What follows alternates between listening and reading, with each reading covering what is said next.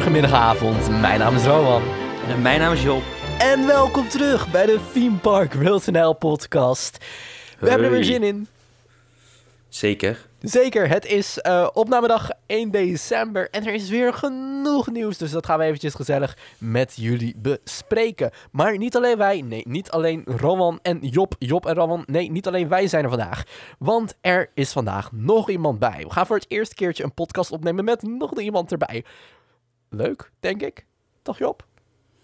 Uh, ja, fantastisch. Ja, oké. Ja, nee, het klinkt heel sarcastisch nu, maar het is hartstikke leuk. Want we hebben het wel vaker gehad natuurlijk over dat er iemand is die de productie bij ons doet. We hebben wel eens de naam Anna uh, laten vallen. Um, en die is er vandaag bij. Anna doet de productie voor ons. Die helpt ons soms met onderwerpjes uitzoeken. En die houdt ons een beetje in toon als we een beetje te ver gaan met onze grapjes. Dames en heren, jongens en meisjes, nog een applausje voor Anna.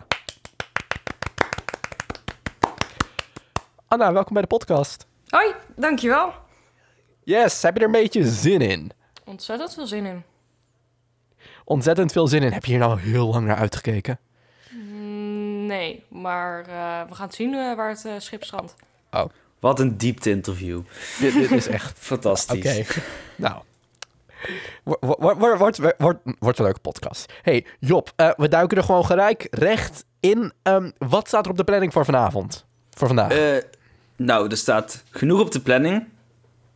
Vertel. We hebben in ieder geval wat nieuws uit uh, Hellendoorn, Plopsaland, uh, Walibi Holland, de Efteling en uh, een klein nieuwtje van Pin, of, Zamperla was het. De attractiebouwer Zamperla. Het is geen Theme Park World NL aflevering zonder de Efteling, hè? Nee, en ik, ik heb ook steeds het idee dat wij toch neigen naar Walibi Holland ook. Om daar iets ja. mee te stoppen. Ja, maar ja, weet je, Walibi Holland, dat is gewoon, ja... Die vinden wij zo leuk. Dat is gewoon hè, ons favoriete park, toch Job? Zeker. Ik zou, Zeker. Ge, ik nee, zou echt... ik ga dan toch voor de Efteling. Ga je dan toch voor de Efteling? Ja. Ja, ja? als ik echt moet kiezen, dan zou ik nooit van mijn leven ook maar één uh, dag of uh, meerdere dagen naar Walibi gaan. dan kies ik toch voor een, een Efteling of Fantasieland of zo. Ja, hetzelfde hier. Hey, sorry um, Walibi. Sorry Walibi, sorry Wabibi. No, no, nodig ons uit voor de Friday Night met een perspas, alsjeblieft. Oh, alsjeblieft niet. Ik, ik wil niet mee naar... ik hoef niet naar Halloween. Roman, ga jij lekker in je eentje? Dan gaan uh, Job en ik wel uh, richting de Efteling. Nou, ja, zeg. Nou, daarover gesproken trouwens. Hè. Ik vind het wel even interessant. Misschien kunnen we daar zo meteen even verder over gaan praten. Maar weet je, ik ben nu 18 en het lijkt me super tof om gewoon zo'n acteur te zijn bij de Friday Nights. Een vriendin van mij is dat. Ik wil, ik wil dat echt doen. Je mag auditie doen vanaf je achttiende. Ik wil, ik wil dat echt doen. Lijkt me echt heel leuk. Ook al is het Walibi. Ja. Denk jij op? Afgelopen jaar zou ik dat niet hebben gedaan. Maar volgend jaar misschien hopelijk wel weer normaal. Nee, ja. Ja, ja precies. Ik, ik weet dat ze hier bij uh, Toverland, dat is dan mijn omgeving, dat wordt heel vaak gevraagd al. Uh, en ik ken ook heel veel mensen die dat doen. En die, die hebben altijd leuke verhalen van, oh, het is echt tof om te doen. En heel gezellig en zo met de acteurs onderling. En het is ook leuk om, om zo'n scare actor te zijn. Maar ik hou zelf wel niet van Halloween, dus dan moet ik ook niet andere mensen laten gaan schrikken, denk ja, ik. Precies. Wat, wat, wat, wat, wat, denk jij, Anna? Want jij zit ook een beetje in dat wereldje. Ja, een vriendin van mij die is scare actor bij uh, Walibi Friday Nights. En die vindt het ontzettend leuk. Um, ik heb er niet heel erg veel gehoord over de verhalen van dit jaar. Ik weet wel dat ze het ontzettend jammer vindt dat het helaas stopgezet moest worden. Ja. Um, maar, maar zij heeft wel die uh, paar dagen meegespeeld, of niet? Ja, een paar. Niet alles, volgens mij. Het waren twee, twee dagen of zo, toch? Ja, zoiets. Uiteindelijk. Uh, maar... Um, ja, ik weet niet. Ik vind Halloween zelf ook niet zo heel erg interessant. Dus mijn interesses liggen daar ook niet. Nou, precies. Nee, ik vind, ik vind die periode die nu aanbreekt veel leuker. Ja, precies. Kerst. Kerst. Sowieso.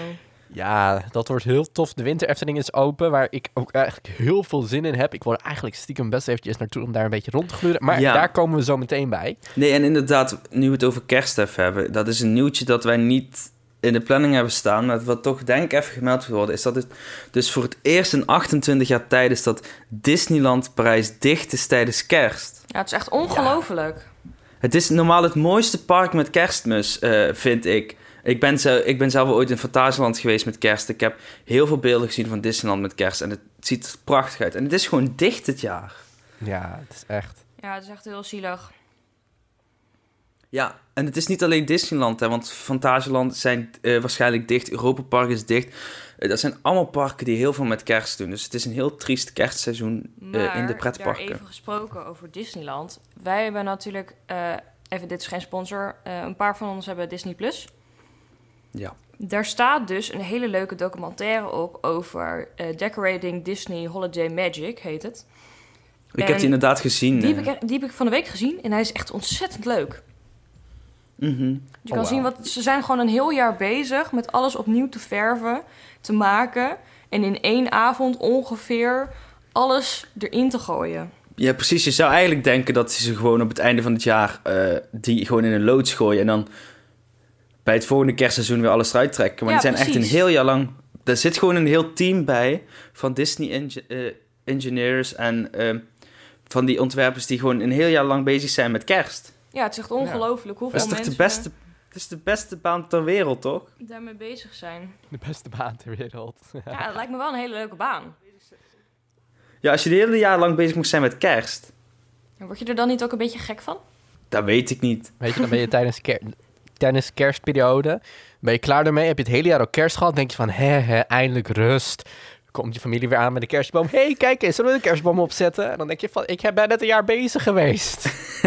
Weet je hoe het bij mij een beetje zit? Ik heb natuurlijk twee grote periodes, dat zijn kerst en carnaval. Ik begin dan zeg maar rond juni. Een keer komt de kerstmuziek al langzaam naar binnen. En dan is het kerst geweest, 31 december. Dan komt de carnavalsmuziek tot eh, februari, maart. Dan heb ik even een periode niks. En dan begint kerst weer.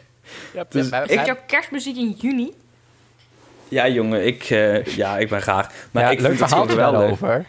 Wij, wij hebben natuurlijk wel eens ehm, een... eh, we hebben ooit een pretpark gemaakt op Minecraft ooit. En dat veranderden we ook per seizoenen mee. Ik weet ook nog Oh, dat we ja. echt Oh ja, ergens, dat was eind, heel vet. ergens einde zomer ook gewoon dat pretpark al in kerst begonnen te versieren. En dan hadden wij, eh, hadden. Precies, dan hadden we zo'n uur lang kerstmuziek aan. En dan gingen we inderdaad sneeuw eroverheen gooien, kerstballen ophangen. Ja, kerstbomen neerzetten, ijsbanen maken, vuurkampen. alles om in die kerstsfeer te We komen. hebben zelfs volgens mij een ijsattractie gemaakt ooit. Ja, zoiets. Ja, dat zou heel goed Wat wij allemaal niet op Minecraft uitgespookt hebben. Hè? Dat was een beetje het, eh, het begin van dit allemaal, denk ik. Ja, zeker. Maar... Nu zitten we hier met, naar een microfoon te lullen. en nu, nu zit- what our life has become. ja. Oh, geweldig. Nou ja, dan weten ze Eh, ook een keertje waar we vandaan komen. Even kijken. Ehm, Job, waar gaan we beginnen vandaag? Eh, we gaan beginnen met wat nieuws uit Hellendoorn. Hellendoorn. Ja, want daar zijn ze eh, bezig met de achtbaan Tornado, de oude achtbaan Tornado. Want die gaan ze nu vernieuwen. Vernieuwen. Wat gaan we Na precies doen? hoeveel jaar?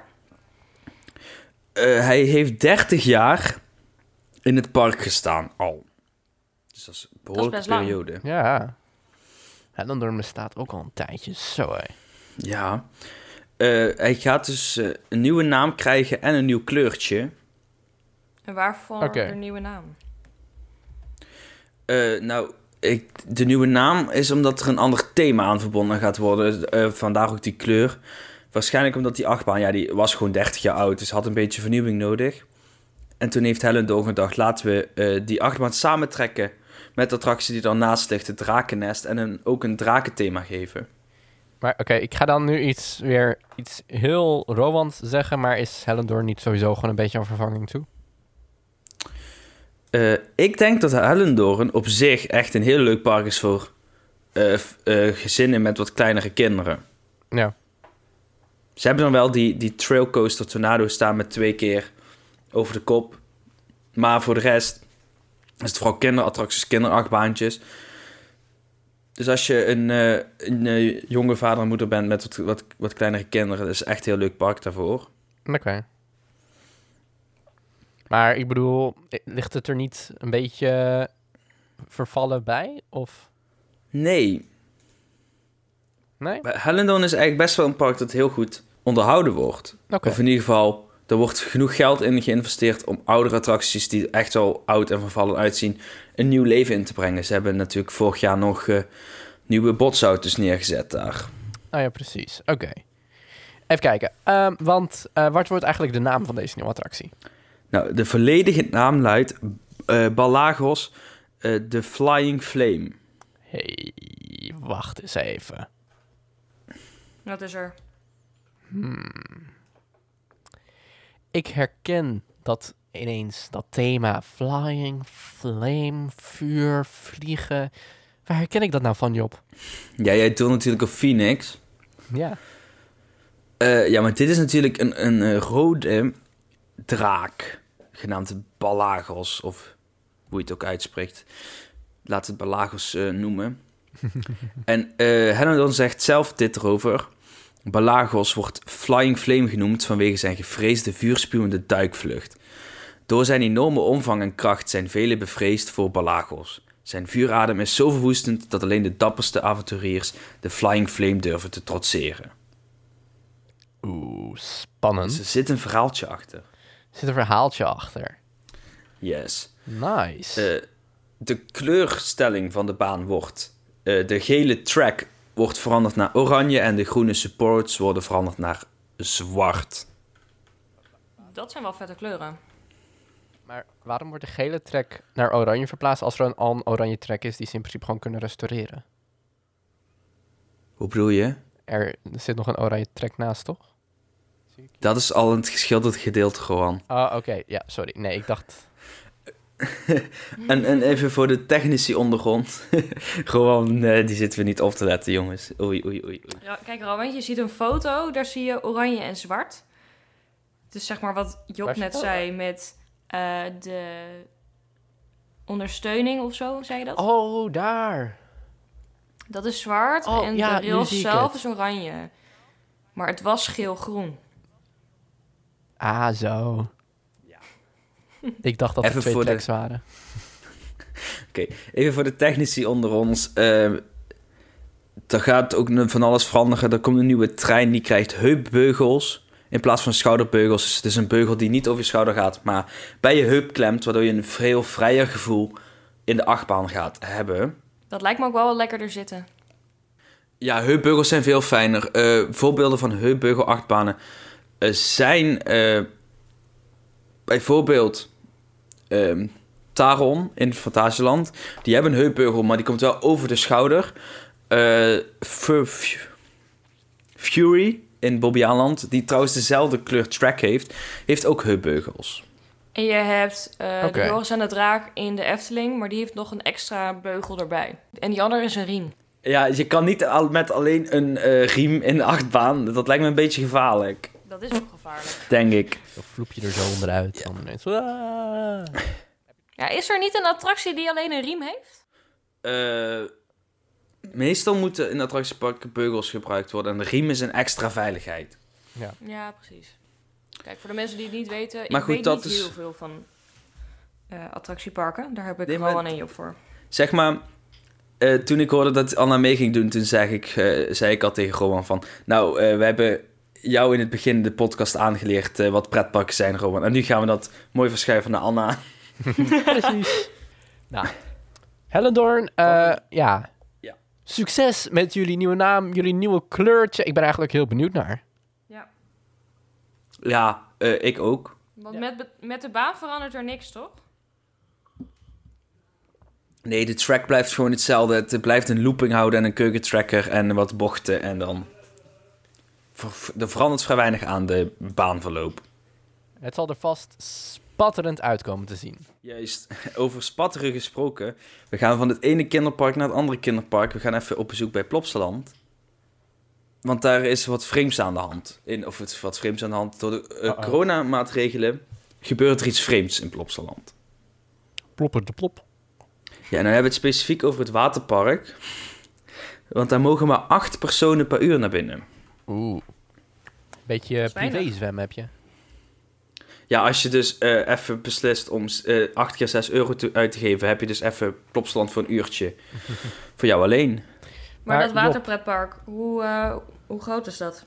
Dat is redelijk groot. Het heeft een eh 25 meter bad, een golfslagbad, een wildwaterbaan, een, een stuk of drie, vier glijbanen, eh, wat kinderbaden, wat dingen.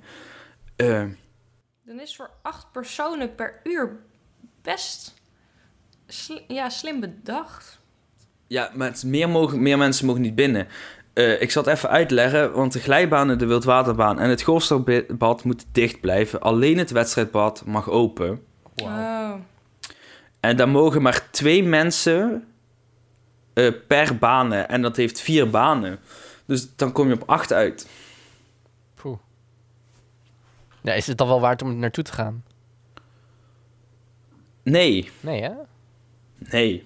Het is zo'n... Ik vind, ik vind het nog steeds echt een top gethematiseerd zwembad. Precies, eh, ik, ik, ik begrijp het niet verkeerd. Plopsland, eh, Aqua, Plopsa, Aqua, of hoe het ook mag heten, is echt een geweldig park. eh, maar niet tijdens coronatijd. Maar dat is gewoon op het moment geen enkel park. Ik zou zeg maar niet nu reclame gaan maken voor een attractiepark. Omdat het zo geweldig is in corona. Nee, eh, ik zou gewoon even afwachten tot het hele rotzooi voorbij is. En dan gewoon een keer echt gezellig naar een mooi park gaan. En dan is Plops Aqua zeker een mooie optie. Want het is echt een goed zwembad. Maar op zich, voor de mensen die graag willen zwemmen en baantjes willen trekken, is dat een hele goede optie. Ja, dan is het goed. Alleen dan zou ik alsnog geen 6 euro betalen voor een uurtje zwemmen. Althans, Ja. voor mijn Het is niet heel duur. ding is dat duur. Ik bedoel, ik weet dat wij hier zwembad hebben, daar betaal je 3,50 en dan kun je de hele dag zwemmen. Ik weet niet hoe het bij in de steden zit, of het daar duurder is, maar... Ik zwem nooit zoveel meer, dus geen idee. Ik hoor dat het hier wel rond de 10 euro ligt. Ja, maar dat is, niet, is dat niet voor een hele dag? Dat is gewoon voor de hele dag. Ja, precies. Want En dit is maar voor zwem een uur, hè? Ja, hier zwem je niet per uur. Hier zwem je gewoon voor de hele dag, zeg maar. Dus dit is nu eh 6 euro per uur volgens mij. Ja. Maar goed, eh, Steve van de Kerkhof, eh, de directeur van Plopsa, eh, van de Plopsa groep, had er ook nog wel wat over te zeggen. Namelijk dat het niet voor zich spreekt, of het spreekt voor zich bedoel ik, dat we met dit initiatief geen winst maken. En dat is natuurlijk zo. Als je, je kan geen winst hiermee maken, want het kost meer geld om dat zwembad open te laten dan dat je binnenkrijgt aan die acht mensen. Ja, je hebt nu Ja. ook een mondkapjesplicht vanaf 1 december. Nou, dat is vandaag. In België re- gelden ook die regels. Ik zou dat inderdaad aanhouden eh, voor de Belgische luisteraars.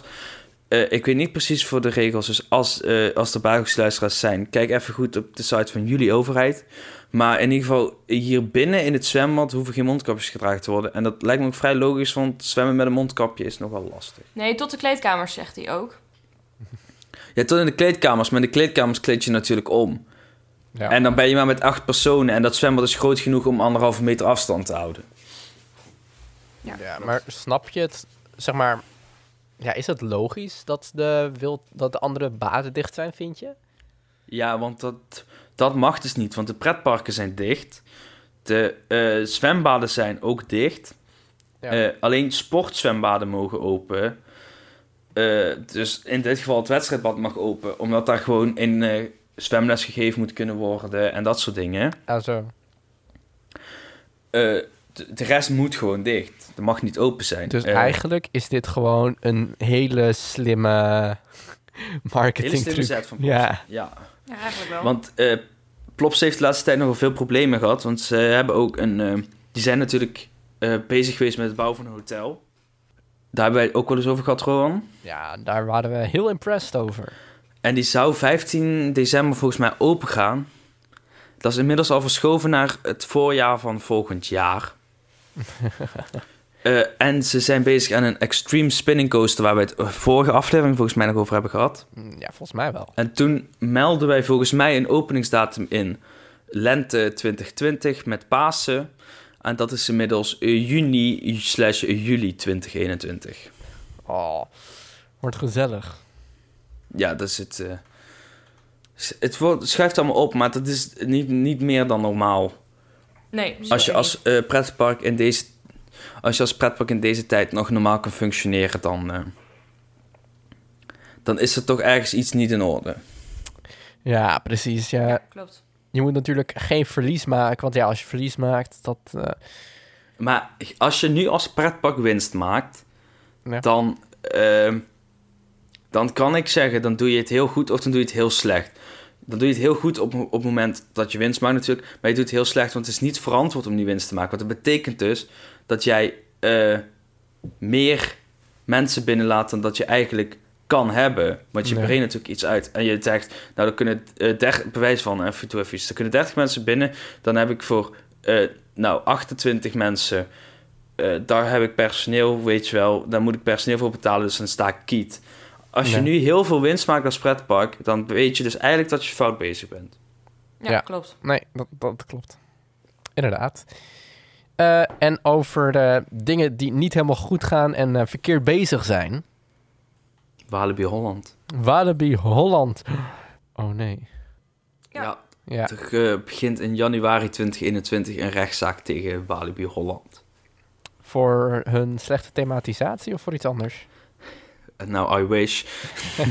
nee, eh, eh, voor een ongeluk op, eh, op een kartbaan, wat natuurlijk eh, geen, geen grap is. Nee. Het is een serieuze zaak geweest. eh, in mei, 20, eh, eh, in mei eh, 2018 is eh, een 13-jarig meisje zwaar gewond geraakt... toen ze met haar haren kwam vast te zitten in een kart. ja. En eh, vervolgens botste er een, een andere kart op. En toen is er eh, nou nog een zware verwonding opgelopen aan de schedel en de huid rondom de schedel. En dat is ook gezien door ooggetuigen. Dus die gaan nu. eh, komt nu een rechtszaak. Poeh. Ja, heftig. Zeven, ja, 27 januari. Ja. En dan gaan we het nu, nu willen we nu natuurlijk eigenlijk gaan discussiëren van... Ja, is dit de schuld van Walibi? En ik denk dat we daar allemaal wel heel duidelijk over kunnen zijn dat dat ja is. Ehm, Vind ik. ik, ehm, ik heb me niet ingelezen voor dit. Eerlijk gezegd niet heel goed. Eh, volgens mij moest je helmen op. nee, Nou, dan... Nee, geen helmen op. door het, dra- nee, het dragen van helm was niet verplicht.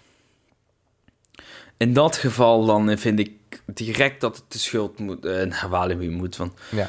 eh, met een helm op had het natuurlijk voorkomen kunnen worden. Want we hebben hier Anna. Anna is een meisje, ze heeft langer haar. Eh, dat kan natuurlijk makkelijk, zeg maar... Daar kun je makkelijk vast mee komen te zitten. En dan Ja, maar kan je best wel wat aangetrokken het worden. verhaal niet vertelt is waar het vast zit. Dus dat is, dat is, vind ik lastig om te beoordelen hoe het gebeurd is. Ja, het is waarschijnlijk achter in, in, de, in de stoel of zo vastgekomen. Of met een botsing dat daar tussen dat haar vast is gekomen. Maar in ieder geval, als je geen helm op hebt, dan kun je dat haar ook nergens wegwerken, weet je wel. Ja. Nou ja, je kan het het vastzetten sowieso- ja. natuurlijk, maar dan weet je nog steeds niet hoe of wat er gebeurd is. Dus je kan er eigenlijk niet echt een mening over geven vanuit hier. Dat klopt. Maar ik vraag me ook af... En dat, dat klinkt dan misschien weer heel Rowan die probeert verantwoordelijk te zijn. Maar ik, is het verantwoordelijk om een 13-jarige in een kart te laten zitten? Ja, je mag vanaf 11, 12 jaar karten. Gewoon ook eh, sportkarten. Oké. eh, in, in, in zo'n kartclub. Dus ja, dat mag. Maar het feit dat het helmdragen niet verplicht is, dat vind ik, dat vind ik zwaar kwalijk te nemen aan eh, Walibi. En als, als Walibi dan zegt, ja, maar het waren de, was de fabrikant die dat zei dat het niet hoeft, dan boeit het mij nog geen flikken. Want dan kun je als Walibi zijn er nog zeggen van nee, we stellen helmen wel verplicht. Nee, dat is gewoon pure nala- nalatigheid. Dus En het, het, het, ik vind het ook een beetje laf dat Walibi er niet op wil ingaan. ja, maar dat kennen we van Walibi. En wat ik nog laffer vind, en wat, wat ik oprecht gewoon een beetje pijn vind doen, is dat ze Masha van Til, een directrice van Walibi, eh, al twee jaar lang bezig is met die attractie te heropenen. Hij mag niet meer open, Nee. gewoon... Maar Masha van Til is nog altijd bezig die attractie te heropenen, terwijl het gewoon een flutattractie is. ik zou zeggen, haal dat zo snel mogelijk weg. Er is een gigantisch ongeluk mee gebeurd. Eh, accepteer dan je verlies. Ja.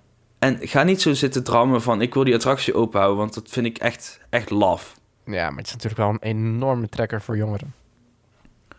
Wat ik wel bijzonder vind, is dat ze na twee jaar pas een rechtszaak gaan openen.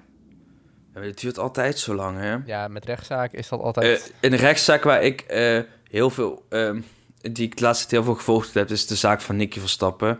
Omdat het natuurlijk hier in het dorp heel erg gespeeld heeft. Ehm, Oh ja, daar heb ik ook wel dingen over gehoord. ja, dat heeft ook twee jaar geduurd voordat er echt bewijs genoeg was of voor een rechtszaak. En dat, het, het, zo'n proces duurt heel lang. Eh, het is ook een heel slopend proces voor zowel eh, verdachten als, als ehm, slachtoffers, nabestaanden. En vooral voor die nabestaanden om het steeds opnieuw te moeten horen. En dat hebben deze familieleden ook. Ze hebben ook nog nooit op gereageerd en dat snap ik ook wel. Want dat meisje heeft gewoon... Dat is voor het leven getekend door dit on- ongeluk natuurlijk. En als je dan telkens weer dat verhaal moet aanhoren van zus en zo... Dat, dat, dat is echt lastig. Zo'n proces... Maar ga er maar vanuit dat bij zo'n proces alles goed wordt nagekeken... en alles goed wordt gedaan... zodat ze tot de beste uitspraak komen. Je zit natuurlijk ook in een wachtrij natuurlijk. Er zijn heel veel rechtszaken. En ja, en dan moet je natuurlijk ook gewoon op je beurt wachten eigenlijk. Ja, en het is ook niet gewoon zo'n rechtszaakje van een verdachte moet voorkomen omdat hij een bushokje heeft gesloopt. Dit is echt een serieus ding. Er zijn meerdere partijen bij betrokken en, en mensen die er iets over te zeggen hebben. Ja, en, maar het is ook zo... Dit is natuurlijk ook eigenlijk een... Want wij zitten hier nu ook al te denken van... Ja, is dit nou een nala- nalatigheid? Is het er nou geen nalatigheid? Dus eigenlijk moet je tijdens zo'n rechtszaak... Eerst weten, wat is nalatigheid? En dat moet je eerst gaan onderzoeken. En valt dit dan daaronder? Dus daardoor wordt het een heel lang proces... omdat je eigenlijk ook naar andere dingen moet gaan kijken. Wat zou dan niet nalatig zijn geweest? Wat zou dan wel nalatig zijn geweest? En dan moet je eigenlijk al die Ja, hokjes inderdaad. aftikken... en kijken of het niet subjectief is. De uitspraak toen tijd was dat de exploitant wordt verweten dat niet alles is gedaan om te voorkomen dat het ongeval met letsel kon gebeuren. Oftewel, eh, ze zeggen eigenlijk gewoon in normaal Nederlands dat Walibi niet genoeg de veiligheid heeft nageleefd en daardoor is er een ongeluk ontstaan. Ja. En dan heb je Walibi, ja, maar we hadden het niet kunnen gezien, kunnen voorzien dat dit zou gebeuren. Eh, maar dat is een ongeluk. Ik zal even een, een, een, een, eh, brug, een referentie maken naar eh, de Formule 1 van afgelopen weekend, waar een gigantische crash was. En daar heeft de veiligheid, daar had, die, die had een helm op, die had een brandweerpak aan. Nu hoeft het bij zo'n kartbaan niet zo stevig te zijn, maar door al die veiligheid is dat ongeluk, wat niemand eh, had zien kunnen gebeuren, weet je, dat had je niet kunnen voorspellen, maar is die man levend uit dat ongeluk gekomen, wat anders dodelijk was geweest. Ik bedoel, je kan, niet, no je kan nooit genoeg veiligheid hebben. Nee, dat klopt. Ehm, ik ik eh, vind het een beetje vervelend om dit te zeggen, maar ik denk dat dit eh, echt wel eh, na te laten is aan Walibi. Ja, en niet aan de fabrikant? Nou, ehm, ik denk dat de fabrikant Rimo daar alles aan gedaan. Die, die levert gewoon die karts af met bijbehorende maatregelen. Misschien is daar ook al iets fout gegaan. Dat zij niet genoeg veiligheidsmaatregelen treffen. Maar dan alsnog ligt bij Walibi de fout. Want Walibi kan ook die keuze maken om die veiligheid toe te voegen. Ja. Nou, ik, En een van die partijen heeft dat niet gedaan. Dus daar zit de fout. ik denk dat we hier gewoon tot de conclusie komen. Walibi. Give up. Ja, en, en niet zo kinderachtig doen met het willen heropenen van die baan. Nee. Want ja, je kan het heropenen, maar dan moet je wel de, de benodigde veiligheidsmaatregelen treffen. En over benodigde veiligheidsmaatregelen gesproken. We vliegen eventjes eh, van eh, Flevoland naar Brabant. Ja, want daar was ook iets te doen. Anna, we komen nou in jouw, eh, in jouw pretparkje. Jippie. We komen nu weer naar Efteling. Eh, want eh, Anna, misschien wil jij dat wel even vertellen. Wat gebeurt er in de Efteling? Wat is er allemaal gebeurd? Ehm, nou, ik heb me er nog niet heel erg goed ingelezen, zoals altijd. Eigenlijk niet, maar ik hoorde dit toevallig vanmiddag, gistermiddag op de radio, dat de Efteling per direct stopt met muzikaal entertainment na ophef over feestvideo. Oeh. Wat Drama. gebeurt? Even Efteling heeft altijd wel drama. Dat is echt... Er is dus Ja, een maar- filmpje eh, online gekomen over een feestje in coronatijd vanuit de Efteling.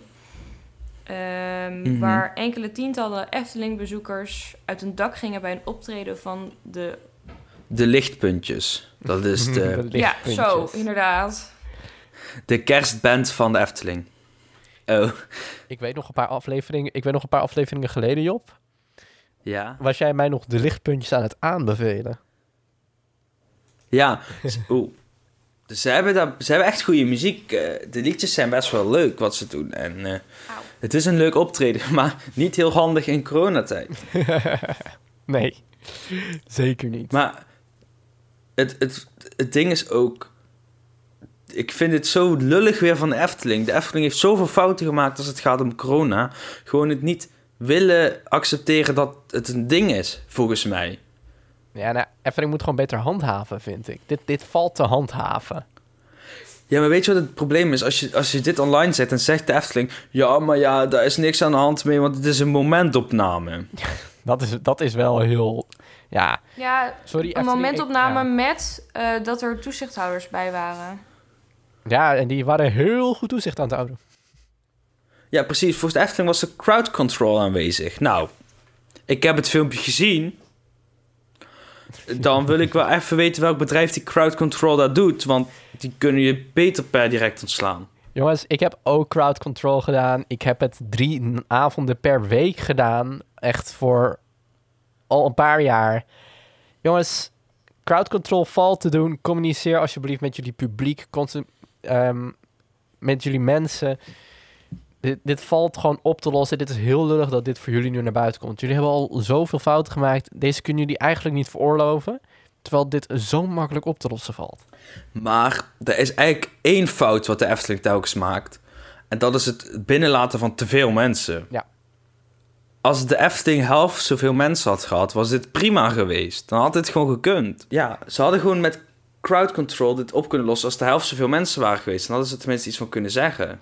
Ja, maar dan komen ze weer van... Ja, maar de Efteling is 50 voetbal groot en blablabla. Ja, maar eh, dat zo'n Efteling een oppervlakte heeft van zulke grootte, dat betekent niet dat als je dan aankondigt hè, dat er ergens op een, een, een winterweide, op een klein podium, op een veldje, muziek gaat worden, dan gaat niet, dan gaat iedereen van die gasten denken, oh, dat wil ik wel zien. Ja. Ja, dan gaat iedereen er naartoe en dan moet je niet verbaasd zijn dat iedereen daar naartoe gaat, want dat effect veroorzaakt jezelf. Dat klopt. Ja, precies. Want er zouden nog meer mensen optreden dan alleen eh, de lichtpuntjes. Ja, eh daar is volgens mij zou ook een optreden zijn van Jelka en, eh, de- en de, die vuurprins, eh, waarvan ik de naam even niet meer weet. Kendrick. Maar die mag wel, Kendrick. Ja, Ja. die mogen wel doorgaan, toch? Ja, waarschijnlijk, waarschijnlijk zijn ze niet zo interessant. Oh nee, die gaat ook nee, die weg. ook niet door. De meet and greets met mascottes kunnen wel doorgaan. Ja, maar daar moet je voor betalen. Ja, klopt. Dat is ook lullig. Maar in ieder geval, het podium is al weggehaald vandaag. Is hij al weg? Ja, ik zag een foto voorbij komen dat hij weg was. Ah. Ja, de Efteling die eh, sprak over een momentopname. Een medestander die erbij was, zei dat het 20 minuten doorging. En eh, Efteling Ja. heeft uiteindelijk nog een verklaring afgeleverd met het feit van... we hebben gemerkt dat we op een aantal locaties niet genoeg controle hebben over het gedrag van onze gasten. Ondanks alle crowdcontrollers en maatregelen. We denken nu eh, na over eventuele extra maatregelen voor in het weekend. Ik vind dit een heel slap statement, eerlijk gezegd. Nou ja, Ja, ze ja. zeggen ook nog van... we zien dat 99% van onze gasten zich voorbeeldig, voor, eh, voorbeeldig gedraagt.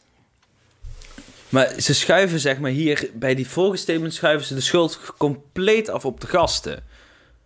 We hebben geen controle over het gedrag van onze gasten. Ja, maar wat verwacht jij? Je bent in een fucking pretpark, dan ga je toch niet... Ik snap dat mensen denken van, ja, maar ik wil nu hier naartoe, daar naartoe. Ik wil dat doen, ik wil dat doen. Ja, maar dat betekent niet dat ze geen anderhalve meter kunnen houden. Want ik merk ook in de winkelstraten dat als je Nee, loopt, precies. Dat mensen gewoon ongeduldig zijn... en nog steeds bijna door je heen lopen. Precies, sommige mensen boeien het ook helemaal niks hoor, die corona. Dat echt, daar erg ik mezelf ook dood aan als ik zelf aan het werk ben in de winkel. Dat, dat mensen gewoon echt het lef hebben om, om te doen alsof het helemaal niet bestaat. Ik wil wel eens aanwezig zijn bij zo'n briefing van de crowd control. Inderdaad. Gewoon zo van... Ja, jongens. nou, vandaag hebben we weer de lichtpuntjes. Ja, oké. nou, niet meezingen, niet dansen. Mee klappen mag. Ja, ik heb het over jou. Ehm, maar eh, als de mensen ietsje dichtbij komen, ietsje naar achter. Ja, nee, jij zelf naar achter. De rest van de mensen gewoon lekker naar voren laten. Zorg dat jij niet bij ze in de buurt komt. Oké, top. Oké, fijne avond. Weet je, zoiets is het. Gok ik. En uiteindelijk was de doorslaggeving voor de Efteling, trouwens om dit af te lassen, de gemeenteloon op zand.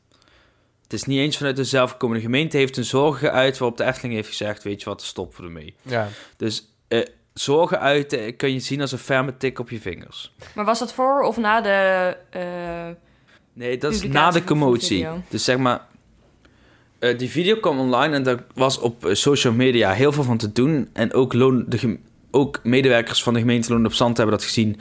En er zijn wat vragen gesteld en die hebben contact opgenomen met eh, de Efteling. En gezegd van jongens, wat jullie hier doen kan dus echt niet. Hè? Dit, eh, dit is niet corona-proof, dit, dit moeten we niet doen nu. En daarop heeft de Efteling eh, dus besloten om daarmee te stoppen. ik ben wel heel benieuwd naar die video. In het, die staat onderaan de artikel, als je Anna die ooit een keer wil zien.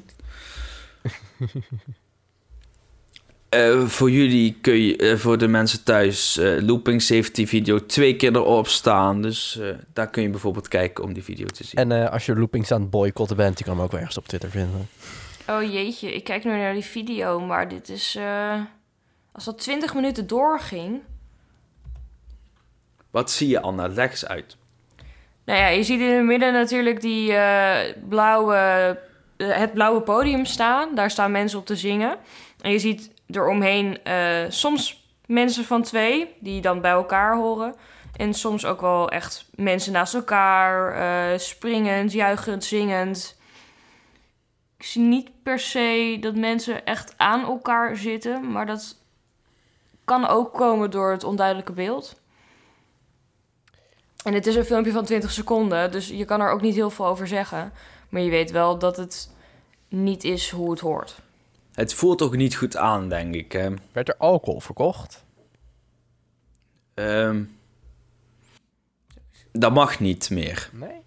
Nee, je mag Eh, geen alcohol... Ja, tot acht uur, hè. Maar eh, je mag, de Efteling mocht geen... eh oh jawel, de Efteling mocht wel afvalhoreca open doen. Ik zie één iemand een bekertje vasthouden, maar wat daarin zit, dat kan ik niet zien. Nou, de, eh, er wordt wel alcohol verkocht, want er wordt glühwein verkocht. Ja, daar hebben we het al. Ja. Maar dat is maar ook eh, soms je moet wel heel... tegen de kou. Ja, precies. Ja, je, ja. je moet wel heel veel glühwein op hebben, wil je daar echt dronken van worden. Ik spreek niet uit ervaring trouwens. Nee, maar ja, je, je, je, je- maar ja, je kan er natuurlijk wel net wat losser van worden. En dan gaan mensen toch weer wat dichter bij elkaar staan. Oorzaak, gevolg. Maar het, probleem, het ding is een beetje met mensen die toch al met die corona bezig zijn. ehm, die letten daar nog steeds op. Want dat zit gewoon in een systeem. Ik heb dat zelf ook. Als ik ergens binnenkom, trek ik mondkapje op. Het zit in mijn systeem. Nu wil ik niet zeggen dat ik een engeltje ben met corona. Want af en toe kan het niet anders. Maar er zijn ook gewoon mensen die gewoon zo zijn van... Oh ja, die corona is er ook nog. Eh, ja, ja, het interesseert me eigenlijk niet heel veel. Ja, precies. En daar heb je helaas ook heel veel van dat types bij. En die hoeven dan maar tegen zo'n andere gast aan te gaan hengelen. En dan heb je al een probleem. Ja, want je merkt wel steeds meer dat mensen eh, toch moeite hebben om zich aan de regels te houden, omdat ze er ook wel klaar mee zijn. Zeker. Zeker. Ja, dan, En ik dan ben- ik ben een persoon die- ook niet mee. Nee, inderdaad. Even- En dan ben ik nog een persoon die zwart-wit denkt in het leven. Dus bij mij, in mijn hoofd kan het er niet in dat mensen daar klaar mee zijn. Ik snap dat, ik, of ja, ik kan het wel begrijpen van, ja, het is zo'n lange tijd. En ik ben er zelf ook ondertussen wel klaar mee. Maar hoe klaar ik er ook mee ben, ik doe het wel nog steeds. Ik volg het wel nog gewoon op. Zo, ja, zo zit mijn hoofd misschien in elkaar. Niet iedereen is zo. Ja. Maar het, het, ik snap dat mensen er gewoon helemaal klaar mee zijn, inderdaad. Nou ja, wat ik wel bijzonder vind, is eh, je mag in theaters natuurlijk wel nu weer... eh, op dit moment mag je weer spelen voor 30 personen. eh, exclusief eh, crew. Maar dat dit dan een optreden... ehm, terwijl café, restaurants gesloten zijn en muziekfestivals niet door mogen gaan, dat dit wel mag. En theaters zijn echt Ja, goed maar dat mag met dus dat je niet. naar je plek wordt gezet, een mondkapje op. Dat zie je ook niet iedereen op hebben. Maar daarom, daarom is de. Efteling ook teruggefloten. Ja, Daarom is de Efteling ook teruggefloten. Omdat het gewoon echt niet kon wat zij deden. ja. nee, dat klopt. Maar En terecht. ook als je gaat kijken naar wat qua binnenlocaties juist het minste superspread is, dan zijn het sowieso theaters. Want theaters zijn erop gebouwd om goed te ventileren en dat soort dingen. Precies. Nou ja, en die hebben gewoon stoelen. En Zeker. je kan door bepaalde rijen weg te halen... Ik weet niet of de Efteling nog steeds eh Ravelijn doet. Nee. Die is sowieso Ehm. gesloten volgens mij nog steeds. Ja, maar of, ja, of ze hadden dit in het Efteling Theater gedaan, weet je. Dan laat je 30 mensen binnen. Oké, misschien niet. Nou, had je dat op de buitenlocatie gedaan, dan had je iets meer mensen binnen eh, daar mogen laten. Hadden ze dat bewijs van het Ravelijn Theater, hadden ze daar iets van een muziekshow gemaakt. Dat mag gewoon. Ja. Ja, als mensen op hun plekken waren blijven zitten, dan zeker. Precies, dan was het gewoon goed geregeld. Maar wat de Efteling doet, is ze zetten Het is midden op een eigen wijsheid. erin. redelijk krap bebouwd pleintje, zetten ze een podium neer. Daar zetten ze wat drinktentjes omheen en eettentjes en wat souvenirshops. Daar zetten ze wat mensen op het podium, die gaan wat zingen. En ze laten een stuk of 100, 120 mensen dat veld oplopen. Maar mochten ze ook wel weer al eten verkopen dan in die shops? Ja, dat was dus ook een ding. Eh, de restaurants mogen niet open, terrassen mogen niet open, maar er mogen wel afhaallocaties. Eh, Ja. Je mag wel afhalen in het restaurant. Eh, dus counterverkoop mag. Eh, maar je mag dus niet op het terras zitten bij het restaurant. En daar heeft de Efteling, vind ik zelf, ook al iets gedaan. wat op zich slim is, maar wat ik denk van ja, het is, het is dus niet de bedoeling. De terrassen die bij die restaurants liggen, die zijn gesloten. En een meter of tien verderop, waar het wel mag, hebben ze, heeft de Efteling nieuwe terrassen gecreëerd. Daar mag je dus wel gaan zitten, want het is niet onderdeel van het restaurant. En daar mag je dus gewoon lekker je afgehaalde eten op gaan eten. Oh, nou, de Efteling is zoals altijd weer lekker, eh, ja, lekker duidelijk, hè? De Efteling doet het normaal heel goed. En het is echt het beste park van Nederland. Ik kan het niet vaak genoeg blijven zeggen. Maar de Efteling heeft dit jaar gewoon zijn eigen ruiten in zitten gooien op sommige momenten. Dat moeten ze maar volgend ik- jaar eens heel erg goed gaan maken. Ja, als ze volgend jaar gewoon die circusachtbaan aankondigen, dan hoor je mij niet meer klaar. Efteling, we weten dat die komt. Kom dan maar gewoon. ja, maar ik denk dat het uitgesteld wordt hoor. Want Efteling zegt toch dat ze het zo moeilijk hebben financieel. Ja, dat, dat, dat is echt de grootste bullshit die ze wel ooit gezegd hebben. Ik bedoel, stel, het is waar. Hè? De Efteling heeft echt zo moeilijk. Wat hebben ze de andere jaren gedaan? Je gaat me toch niet zeggen dat ze met zoveel geld hebben gegooid... dat ze het nu opeens moeilijk hebben bij een jaar dat slecht gaat? Dat moet je toch inrekenen? Maar hoe... Ja, maar wat was Weet de je- laatste attractie die ze gebouwd hebben? Max en Moritz. Ja, en hoeveel, hoeveel euro was dat totaal? 15 miljoen. Ja, je weet natuurlijk niet alle financiële, alle financiële dingen van eh, de Efteling. Want ze hebben ook nog personeel en ehm, ze moeten nog steeds wel dingen doen om Efteling interessant te houden. Dus ook online dingen. Zeker. En de Efteling, die zit altijd... Die zit nu te klagen dat ze dus weinig verlies maken... of heel veel verlies maken, weinig winst. Eh, Maar de Efteling is een stichting en ze mogen helemaal geen winst maken. Nee. De Efteling moet elk jaar kiet spelen. Ik geloof niet dat de Efteling ehm, zoveel, opeens zoveel verlies kan draaien. Ja, dat ze het Eh. niet meer op kunnen vangen. Ik bedoel, Ja. stel ze hebben echt zoveel verlies gedraaid dat ze het niet meer op kunnen vangen. Dan vraag ik me echt af met hoeveel geld ze hebben zitten smijten dit afgelopen jaar. Dat kan, of hoeveel geld Nou ja, ze wat het andere wel is, jaren... al die hebt restaurants die hebben natuurlijk voorraden die ze niet allemaal kwijt kunnen zoals ze normaal konden. Dat is al best wel wat verlies. die restaurants, die voorraad moet je toch per week waarschijnlijk gaan kopen. Want je kan niet vooruit voorraad op gaan vullen, want het moet nog enigszins vers zijn. Ja, dat klopt. Dus je hebt misschien een voorraad van een week die je weg moet gooien. dus Eh, dat is het probleem, ja, lijkt mij voorraad niet. van een week, dat klopt. Maar dat kan voor de Efteling. Als, hoeveel bezoekers hebben ze normaal gesproken per dag zonder corona? Hebt- Oké, ze, hebben, ze hebben zeg maar niet eh, het geld wat ze normaal van de restaurants binnenkrijgen, hebben ze niet. Dat, maar ja, dat compenseert zich weer met de verkoop van de counter. Want dat wordt dus natuurlijk nu vaker gedaan. En ze hebben niet alle mensen binnen in het park. Dat zijn er minder, dus daardoor hebben ze ook minder geld. Dus het, daarom Ja, draaien ze klopt. verlies. Oké, maar het, daar gaat het mij ook niet om. Ik geloof echt dat ze verlies draaien. Het, het is bij mij gewoon... Ik kan er niet bij dat de Efteling in de afgelopen jaren niet genoeg reserves heeft opgebouwd... om een beetje verlies op te kunnen vangen. En Ja, maar natuurlijk... wie, wie had het ehm, bedacht dat opeens alle parken, alle horeca, allerlei evenementen... Dat nee, niemand, niemand, niemand, zeker Nee. niet. Dus Zeker ik niet. snap ook, Maar op zich het- ook het wel feit dat is ze dan, dat- als ze elk jaar Kiet moeten spelen... dan moeten ze ook wel dingen doen, zoals nieuwe attracties bouwen... om mensen terug te laten komen. Maar dan vraag ik me ook wel af wat ze dan deden in 2008 en die tijd. Want dat waren volgens mij redelijk goede jaren voor de Efteling. Terwijl dat toch echt in de crisis was. Ja, maar dat is een andere crisis dan dit. Ja, maar dat was ook een redelijke domper volgens mij. Dat was wel een goede economiecrisis, Eh, ja. Economisch Nederland. Ja, Voor economisch Nederland. Maar niet, het was niet een crisis waarbij alles dicht moest. Mensen konden alsnog naar een Efteling gaan. En wat ik ook denk, ik denk dat mensen wel een leuke dag willen, maar niet heel veel geld over de plank smijten aan souvenirs of eh, eten, omdat ze zelf misschien ook moeite hebben met dat vol te houden. Ja, nee, dat was zeker waar. En het wordt ook steeds duurder. Maar Ja. ehm, het feit is eh, vooral dat ze dus nu, waar ik dus over struikel, is dat de Efteling zegt dat ze het financieel heel lastig hebben. Nu. En dat geloof ik echt. Dat zij het echt veel verlies draaien dit jaar. Ze komen bij lange na niet aan wat ze afgelopen jaren hebben verdiend. Maar als zo'n grote organisatie moet je iets van reserves hebben staan. En dat moet een gedeelte op kunnen vangen. En dan moet je niet zo mieperig gaan doen. Ik bedoel, je bent potsverdomme de grootste. Er zijn parken en er zijn bedrijven die het veel moeilijker hebben. En dan ga jij naar de grote media zeuren van wij hebben het financieel moeilijk. Och, help ons toch. ja.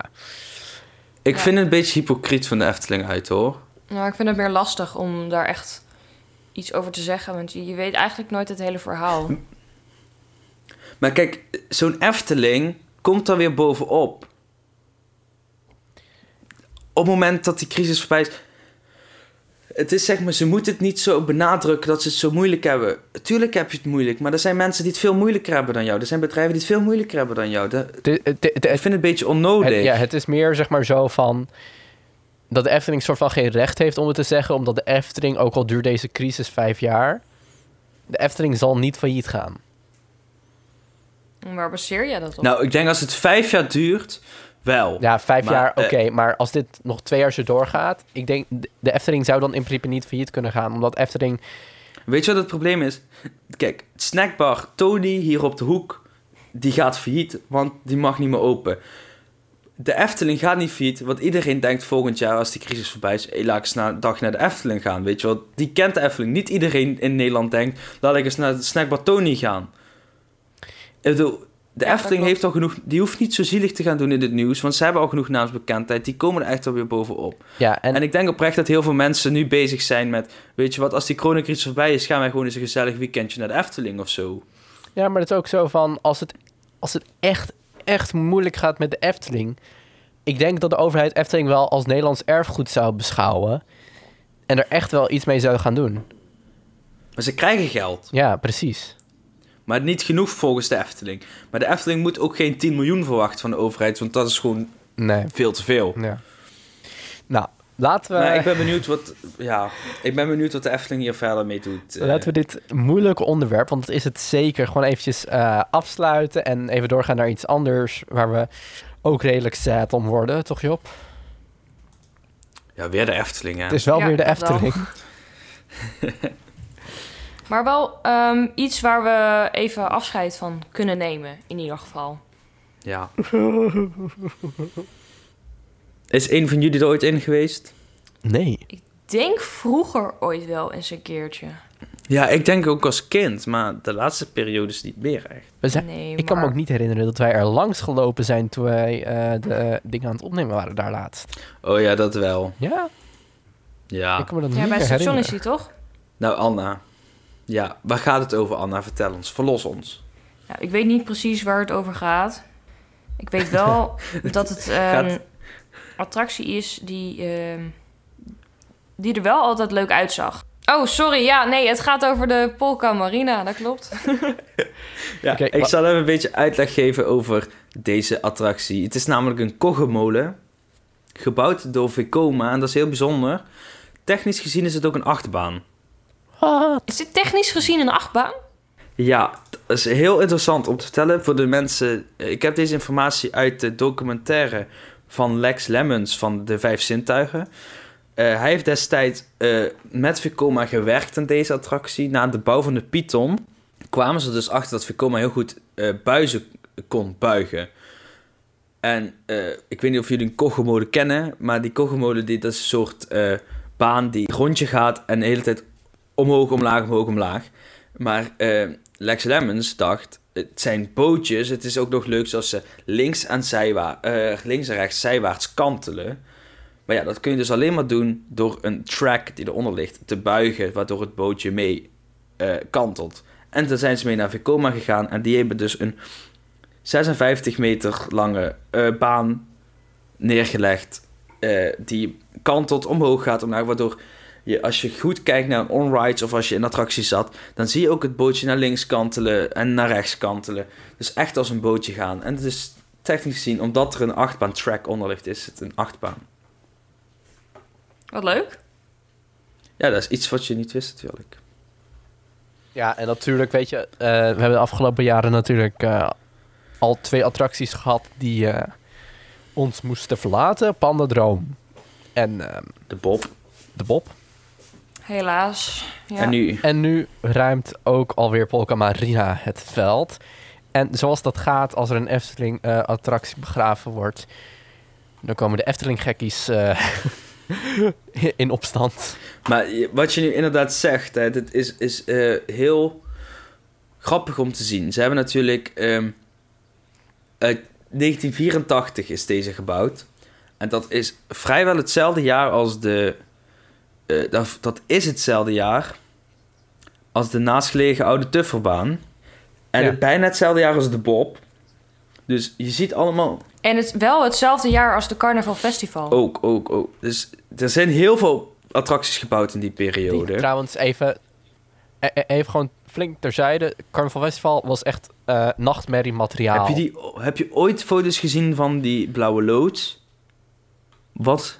Oh, Anna, als je Ja. een keer de tijd hebt, Nee. zoek even oude foto's op van Carnaval Festival. Dat was echt een heel lelijk ding van buiten vroeger. Oh, dat wil ik Ehm, heel graag zien. Ja, in ieder geval, wat was ik aan het vertellen? Oh ja, in ieder geval die attracties van rond 1984, die worden nu allemaal vervangen. Je had het bij eh Python, bij de Bob en nu is eh, de Kogemolen aan de beurt, de Polka Marina. Ja. Als je zou moeten gokken, hè? wat zou de volgende attractie zijn die eh, ja, het veld moet ruimen? Ik denk niet dat het veld moet gaan ruimen. Ik denk een grondige renovatie. En dat is de halve maan. Denk ik. De halve maan. Waarom, weet ik niet. Maar ehm, die, En zou misschien moet moeten daar ook eens welke je denkt. Welke attractie echt weg moet. Eh, Ja. Geen idee eigenlijk. De halve maan. Ja, dat is dat schommelbootje daar. Schommelbootje zeg ik ook heel leuk. Nee, eh, oh, ik- dat schommel... Nee, maar schommelbootje, is dat niet een heel groot schommelschip? Ja, dat is een heel groot schoonspel. Ik heb trouwens voor jou, Anna, even, even snel een foto doorgestuurd van de Carnaval Festival. Ja, ik hoorde hem, maar ik kan hem even niet vinden. Waar heb je hem ingegooid? Maar in ieder geval, eh, ja, die. Maar ik, eh, terwijl ik het aan het vertellen was, dacht ik opeens aan een andere attractie die wellicht de komende jaren wel weggaat. Ja, En ik denk dat Roman die ook wel kan raden. attractie die ergens in de komende jaren misschien weggaat. Ja, dat eh, is een hele grote kans dat dat Monsieur Cannibale ja, is. daar zat ik inderdaad aan oh, te ja, denken. dat denk ik ook. Ja. Ehm, ik heb de laatste tijd toch wel ingezien dat het een, een redelijk. eh, dat men. eh, maar ik snap wel dat mensen er een racistische afbeelding in kunnen zien. En ik denk dat het ook gewoon slimmer is voor de Efteling om daar een leuker ander thema aan te geven.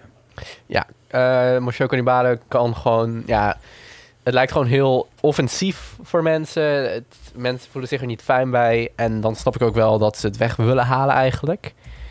En ehm, nee, maar eh, dat zou heel goed kunnen zijn. eh, want Job en ik hadden het erover. Misschien komt er een rethematisatie misschien. Ehm, maar ik denk dat er een grotere kans is dat hij gewoon lekker weggehaald gaat worden. En dat er eh, iets nieuws voor in de plaats komt. Weet je wat mijn eerste instinct was toen ik hoorde dat eh Polka Marina wegging? Nou, Ik dacht, ze verwijderen Polka Marina nu om die te verplaatsen naar, eh, naar eh, de plek van de Polka eh, Marina. Nee, wacht, ze gaat. Ik moet even nu. Nee, dat klopt niet. Ik wil de niet. Marina verplaatsen naar de Polka Marina. Ze slopen de Polka Marina om vervolgens de Monsieur Cannibal te verplaatsen naar de plek van de Pokémarine in een ander thema. Ja. Ja. Nou ja, ik we- vind we zullen het zien. water bij die Monsieur Cannibal wel heel leuk. Dat idee met water en dat je er overheen loopt met een brug. Juist, maar Verder, het kan... thema is eigenlijk te ouderwets. En dat moet vernieuwd worden. En eh, toen er tijd is er een. ehm toen er tijd is er een ander thema aan gedaan van een Londense taxichauffeur of eh, politieagent die allemaal taxis eh daar stond te fluiten. Dus zeg maar, er was dan een verkeersregelaar die stond in het midden en daaromheen gingen allemaal taxis. De potten zouden dan taxis zijn en die zouden dan ronddraaien als, als in een drukke Londen. Dat was een ander alternatief. Dat is het niet geworden. Nou, je kan dus heel veel ehm, bedenken. Ik ben blij dat dat er niet geworden is eigenlijk. Nou, het was wel leuk geweest trouwens hoor. Ja, Ja, het, wa- die- het was misschien wel leuk geweest, maar past dat in de Efteling? Ja, maar past Carnaval Festival in de Efteling? Past Pandadroom in de Efteling? Past... Ah ja, ja die, die, deze discussie hebben we al heel vaak gevoerd. Zeg maar, ik, ik ben het op zich wel met de Efteling eens. De Efteling zegt, het is Eftelings omdat het in de Efteling staat. Ja, Ja. precies. Want je kan Phoenix in de Efteling bouwen... en dan kan iedereen zeggen, dat is toch niet Eftelings? Ja, maar waarom niet? Phoenix is nu Maar- Toverlands. Waarom? Omdat het in Toverland staat, ja. Dan vind ik wel dat ze die politieagent een, wel een, een heel mooie backstory moet gaan geven. Ja, maar ik pleit ook niet eh, voor het politieagent in eh Polkamarine. Of in eh Monsieur Cannibal. Nee, ik, ik denk dat misschien moeten ze er zelfs op, het, op die, bij een buurt van het Anton Pieckplein zetten. En dan gewoon thematiseren in een oud Pieks, weet ik veel, theesetje of zo. Oud-Hollands. Ja, of ze zetten, of ze zetten gewoon Jokie erin. Ja, precies ook. Je kan ook gewoon Jokie er neerzetten. En die, ja want de, de, de enige attractie die daarmee te maken heeft... wat wel heel erg Efteling is... is de Carnaval Festival. ben ik het niet mee eens. Nee? Eh, nou, ik wil niet zeggen dat de eh Carnaval Festival niet, weet dat, Eftelings is. Maar eh, Nee, dat, dat probeer ik niet te zeggen. ik denk dat de, de Carnaval Fest... Nee, de- jij zegt de Carnaval Festival Eftelings is. En daar ben ik het op zich wel mee eens.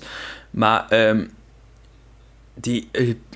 eh, eh, heet wat? Die Monsieur Cannibal, die staat los van die hele attractie. Carnaval Festival. Nee, maar het is wel in hetzelfde themagebied. En dat is op zich wel... Ja, maar daar staat ook Vogelrok. En dat heeft ook helemaal niks te maken met Carnaval Festival.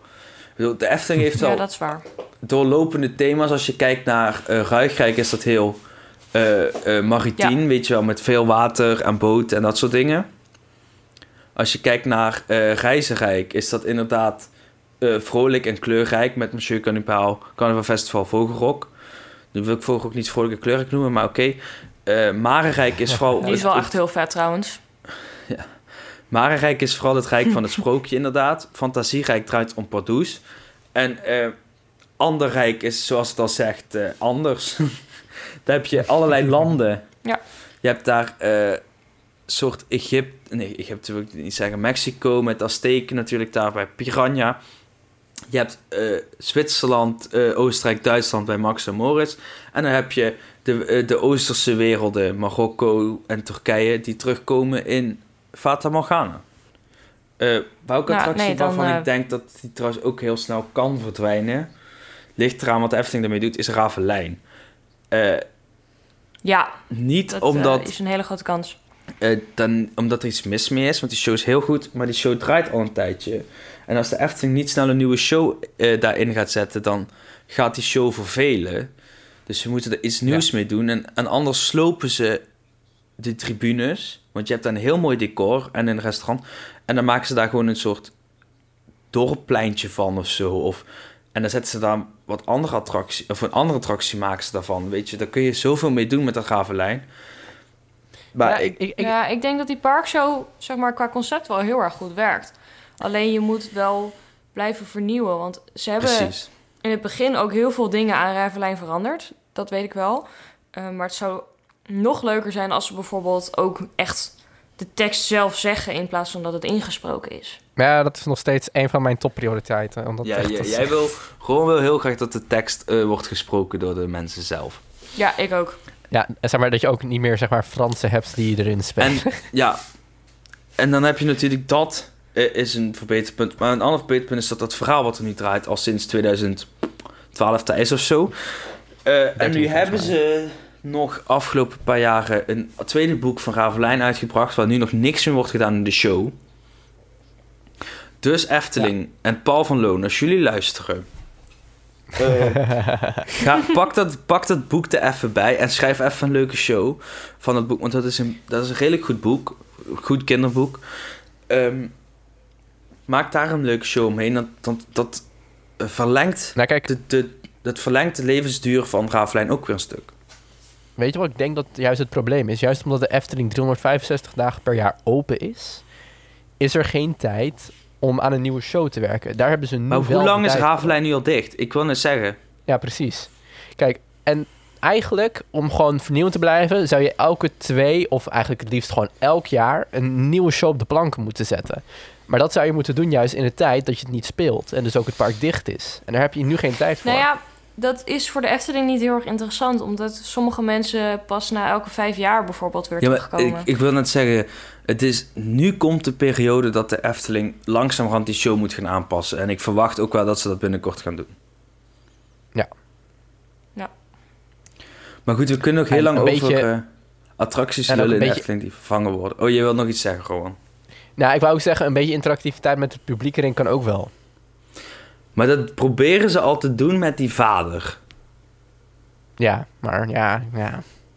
En met die vogels toch ook een beetje. Omdat die ook wel op bepaalde plekken vliegen over de tribune. En het, het feit dat die tribune redelijk hoog, hoog zit, dat geeft natuurlijk ook al aan dat ze niet gepland hebben om veel in- interactiviteit met het publiek te hebben. Nee, maar Ja. ik denk dat het juist ook wel jammer is. Ik denk dat het juist wel zou helpen als ze iets van interactiviteit hebben. Eh, eerlijk gezegd ben ik daar geen voorstander van. Niet bij Ravelijn. Eh, ik vind inter- interactiviteit op de manier van die vader die dan door het publiek loopt en even met wat mensen gaat staan praten van... Hey, heb jij heb mijn kinderen gezien? En die vogels die voorbij vliegen. En dan die dingen die je af en toe een keer aanspreken, maar je moet niet meer interactiviteit in die show gaan doen, want dat haalt misschien, ja, weet ik veel. Die show is toch op een bepaalde manier gepland en die moet je zo doen. Voor een sprookjesboomshow is dat heel anders. Daar heb je die Ja, interactiviteit nodig. Eh, die sprookjesboomshow die wij deze zomer hebben gezien, die draaide eigenlijk compleet op de interactiviteit met het publiek. Ja, en die interactiviteit was zo goed dat uiteindelijk wij zelfs aan het meezingen en Ja. aan het meezwaaien waren. no joke. Maar het, het probleem was ook, die show was ongeveer voor een man of 50, 7500. Eh, Ja. maar Ravelijn, daar kunnen, daar kunnen echt wel goed 200, 300 m- of meer mensen in Makkelijk. het theater zitten. Makkelijk. Makkelijk, Dus inderdaad. Dat is een hele en- grote tribune. En eh, Ravelijn is ook echt de belevende show. Je moet het op je afkomen. Je moet er naar kijken, maar je moet er niet onderdeel van willen zijn. En eh, bij Sprookjesboom moet je... Dat is een show waar je wil meegenieten, mee wil doen, mee wil zingen. Dus daar zit het verschil denk ik En wat in. het ook is, je werkt met, met, in Ravelijn werk je met echte paarden. En dat is met interactie heel erg lastig. Kijk, in het begin zou het misschien nog wel kunnen. Of aan het einde, wanneer ze die paarden niet hebben. Maar als je die paarden hebt, dan met interactie, dat gaat gewoon. Eh, Het kan, omdat ze heel erg goed getraind zijn. Maar het is niet handig. Het kan inderdaad wel, want in Slagharen bij de Wild West Show... eh, daar heb je bijvoorbeeld dat het publiek in teams wordt verdeeld... en dat ieder team, nou, daar gaan, zitten die cowboys, zit over een paard... En dan wijst het publiek aan, juichen, hey, hey. In, in, in principe kan Ja, het maar wel. Doet, doet, doet de Ravelijn eigenlijk ook. Maar op een andere manier. Ravelijn, die gaat dan... Die, die, die heeft vooral de reactie van klappen nodig. En, maar je moet het echt zo zien. Ravelijn is meer bedoeld als echt zo'n... Een, een, meer een voorstelling om naar te kijken. Een beetje zoals Soldaat van Oranje. Ja. Daar ga je ook niet opeens het- naar het publiek toe lopen en zeggen van... Hé, kom jij er eens hierbij staan? Wil je ook neergeschoten worden of zo? ja, je moet, je moet Ravelijn beleven. Je moet er niet aan mee willen doen. Nee. Ja, Genoeg maar we zijn dus wel van mening dat er iets eh, veranderd moet worden. Ja, zeker. Bij Zeker. Ravelijn wel. Genoeg Efteling geneuzel voor één aflevering, hè Job? Ik eh, heb ooit zo lang over de Efteling gepraat. Ik Vast wel. Uh, alleen, de, alleen in de Efteling Storytime, gok We ik. beginnen een beetje op kleine boodschap te lijken.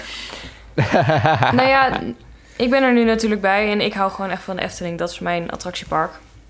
Dus dat Precies. verklaart misschien een hoop. Ja, en eigenlijk, ik ga nu wat doen wat ik eigenlijk niet besproken heb, maar ik ga het toch doen. Want nu we het toch over de Efteling hebben en Anna erbij is, jongens. We praten natuurlijk al een tijdje over dat er wat gaat gebeuren. En ehm, Spannend. ik ga nog niet vertellen wat, maar dat het met de Efteling te maken heeft. En dat Anna er ook een groot onderdeel van zal zijn, dat is zeker. Zeker. En eh, Jullie ik zijn ben nog er niet van heel... Zeker niet. Oh, no, ik ben er niet. heel... ik ben er heel enthousiast over. Ik hoop, ja, jullie ook. Job en Anna volgens mij ook wel. Ja, het probleem is, ik ja. denk dat voor de luisteraars er nog niet heel veel is om enthousiast over te worden. Want we hebben nog niet heel veel eh, spoilers Verteld, laten vallen. nee. Maar het, het wordt in ieder geval iets groots. Wij zijn er alle drie heel enthousiast over. Wij vinden het echt... Het, dit is het, het leukste dat we tot nu toe hebben gedaan. Ehm, En het wordt hopelijk heel vet. Ja, we, we- we hopen echt dat het zo vet gaat worden, jongens. Het gaat echt tof worden. Ehm, en ik hoop, ik hoop eigenlijk dat we ergens half december, eind december dit kunnen gaan lanceren. Eh, maar daar zijn we druk mee bezig. Eh, maar stay Ja. tuned. Het is een heel je groot dan project. 2020 of 2021 december? Nee, echt 2020. In ieder geval nog dit, Zo. dit jaar. Enthousiast? Proberen we. ja, zeker. Ja, of, of de checklist nog gaat lukken dit jaar, dat is nog de vraag. Maar eh, Weet je wat, als we die gewoon Maar volgend jaar zomer project, uploaden. Dat gaat wel lukken. Ja. dit, proje- dit project komt goed. Moet wel. We gaan even nog eh, voor een laatste nieuwtje naar een ander project van een eh pretpark attractiebouwer van eh, uit Italië, genaamd Zamperla of Zamperla. Ik weet nog steeds niet hoe ik het uit moet spreken. Een beetje op zijn Italiaans, Zamperla, denk ik. Zamperla. Die heeft een attractietype of een attractie ontwikkeld waarvan wij alle drie even dachten van, oh, oké, Oké. Ehm, vet, denk ik. Dat was een beetje de gedeelde Ja. reactie, Ja. of niet? Ehm, ja, zeker. Ja, we wisten Want- niet zo goed wat we ermee aan moesten. Want wat hebben ze ontwikkeld? Ja, en het is een soort, eh, ja, een vrije valtoren. Die kennen we allemaal natuurlijk wel. Eh, meestal zo'n groot rood ding. eh, gaat eh, redelijk wat hoog. En dan ineens wordt gerandomized op een soort van tijd van, ah, vlieg je naar beneden. Vrije val. Maar ja, dit is toch wat anders. En we hebben natuurlijk al rare vrije, vallen geha- vrije valtorens gehad. Die anders zijn dan normaal. Je hebt heel veel types, Kijk hè? Fantasialand. Ja, je hebt eh Mis- Mr. Kessler is een type in Fantasieland. Die heeft vooral, daar gaat het vooral de snelheid waarmee je omhoog en omlaag gaat. Je hebt ehm, gewoon zo'n shot and drop, zoals in Walibi Holland. Je hebt kleine vrijvaltorentjes die je in Plopsa indoorparken wel ziet, van die bunny hub. Maar je hebt ook vrijvaltorens zoals de Tower of Terror in Disney. Dus je hebt heel veel verschillende, soorten. Ja, precies. En eh, daar komt er dus eh, misschien weer eentje bij, omdat er weer eentje... Ja het, ja, het is toch opvallend. We weten niet precies wat het is, maar het is dus een, ja, een vrijvaltoren met een splash. Ja, Ja, en niet alleen een splash, er zit ook een heel groot... ja, een heel groot scherm boven. Dat kan geïnstalleerd worden. Met interactieve elementen. Wat nou allemaal... Ja, het is heel vaag allemaal. ja, ik ga hiervoor even naar Anna je ziet toe. ook iets staan over Neptunus. Ja, maar Ja, dat is denk ik gewoon een thema die eh, ze die eh, vrije val hebben gegeven. Ja, want Ja, ze kunnen natuurlijk in elk thema maken. Big Waves is de naam. Waves. Z. Maar kijk, eh, ik ga Ja, even aan Anna een vraag stellen. Hè? Anna, jij bent een beetje Vertel. de outsider hier. Eh, jij zit nog niet zo heel diep in de attractietermen en de statistieken en zo. Jij bent vooral nog een beetje de Nee. vrolijke bezoeker die even dit ziet. Eh, wat, Ja, wat vind jij hiervan als... Want wij vinden, ik, als ik dit kijk, dan zeg ik... Oh, het is wel heel innovatief, maar ik weet niet of dit een succes gaat worden, want... Maar jij kijkt er natuurlijk op een heel andere manier naar. Nou ja, wat het is, is je ziet, ik zie hier nu een filmpje ehm, van die splash. Of van die, eh, hoe heet het nou? Vrijvaltoren in ieder geval. Oh ja, van een vrije val. Goedemorgen.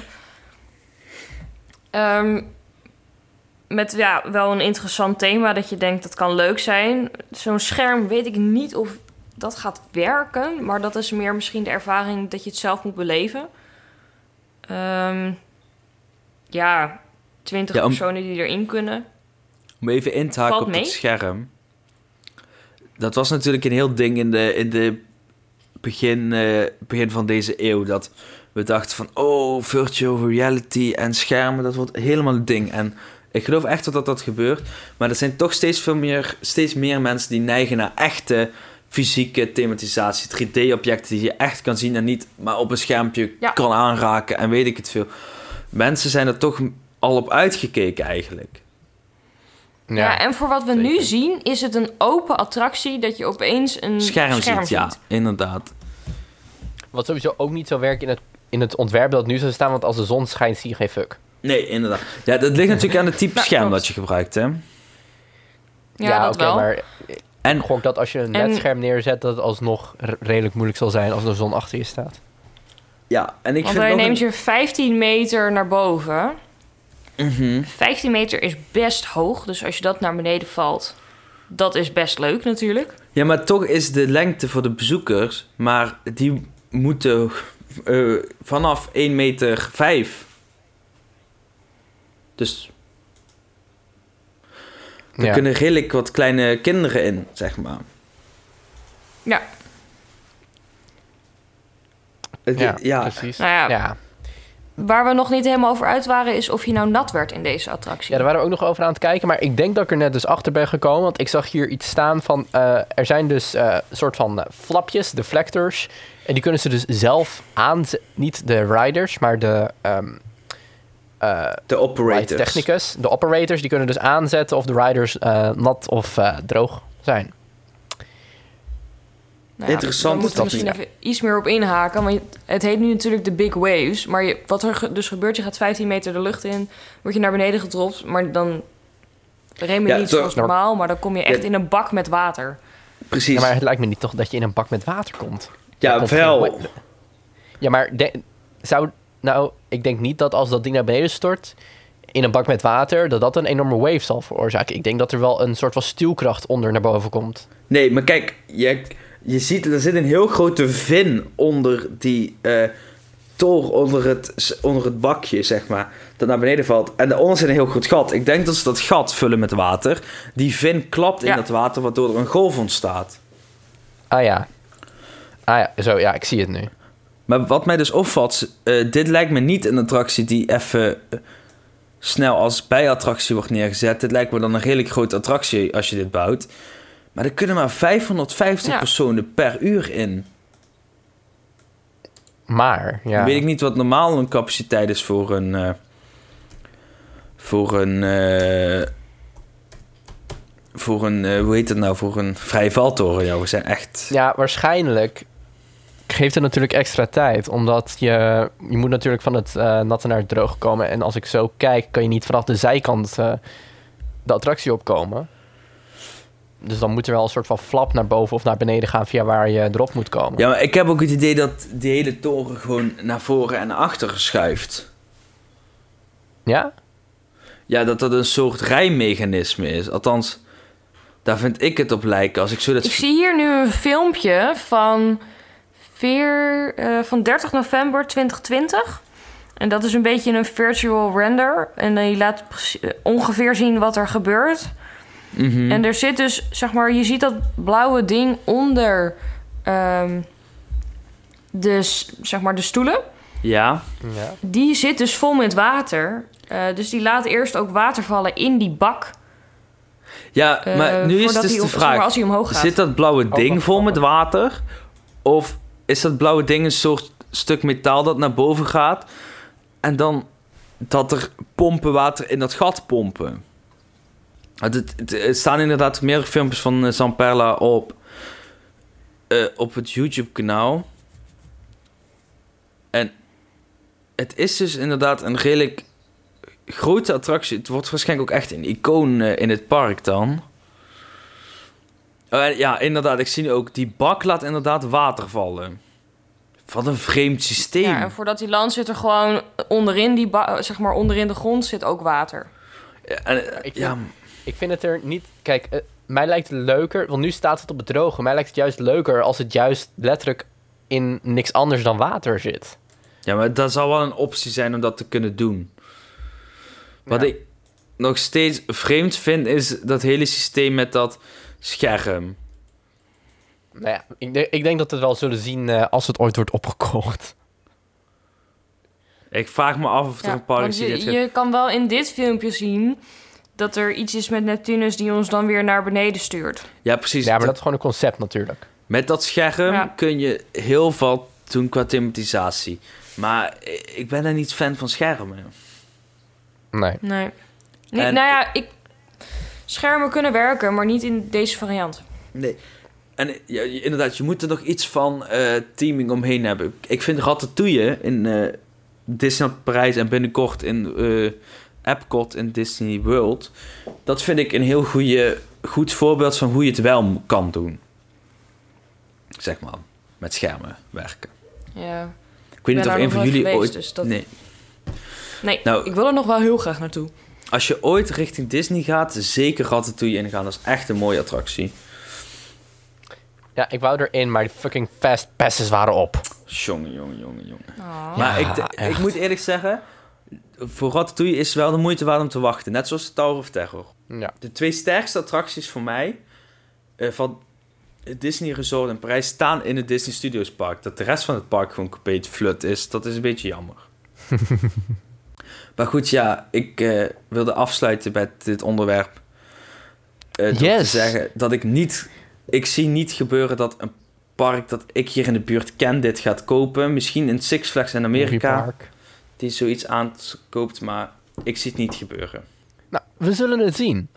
Ehm, heel erg bedankt voor het luisteren naar deze aflevering van de Theme Park WilDNL podcast. Ik vond het weer een waanzinnig ritje eh, door emoties en eh, onderwerpen. Efteling, Walibi, wat hebben we niet voorbij zien komen? Ehm, hey, Job, Ja, waar kunnen mensen jou vinden? nou, mij kunnen ze nog altijd vinden op Instagram onder NL. En op Twitter met Team Park World NL laagstreepje Job. En natuurlijk op YouTube, op het Team Park World NL YouTube kanaal. Mij kan je vinden op Instagram onder Disrowan. Ook kan je mij op Twitter vinden onder, nogmaals, @disrowan. Anna, super bedankt dat je het was. Super gezellig, super leuk. Hopelijk kom, wil je nog een keertje terugkomen. Ik eh, vind het wel heel erg leuk, dus ik kom graag nog een keertje terug. Graag. Anna, Anna komt gewoon nog een keertje terug. Jongens, hebben jullie nou even mazzel? Hey, heel erg bedankt voor het luisteren. Deel deze podcast met iedereen die pretpark gek is. Ehm, laat ook eventjes een reactie achter op eh, iTunes in eh, de Apple Podcast app. Daar kunnen wij superveel mee. Eh, of stuur een mailtje naar Team Laat ons weten wat jij nog graag zou willen horen in de podcast. Ik zou eigenlijk willen zeggen wat je zou willen zien in de podcast, maar dat klopt natuurlijk niet. Dus wat jij zou willen horen in de podcast.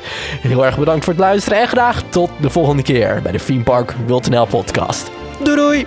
Laters! Bye!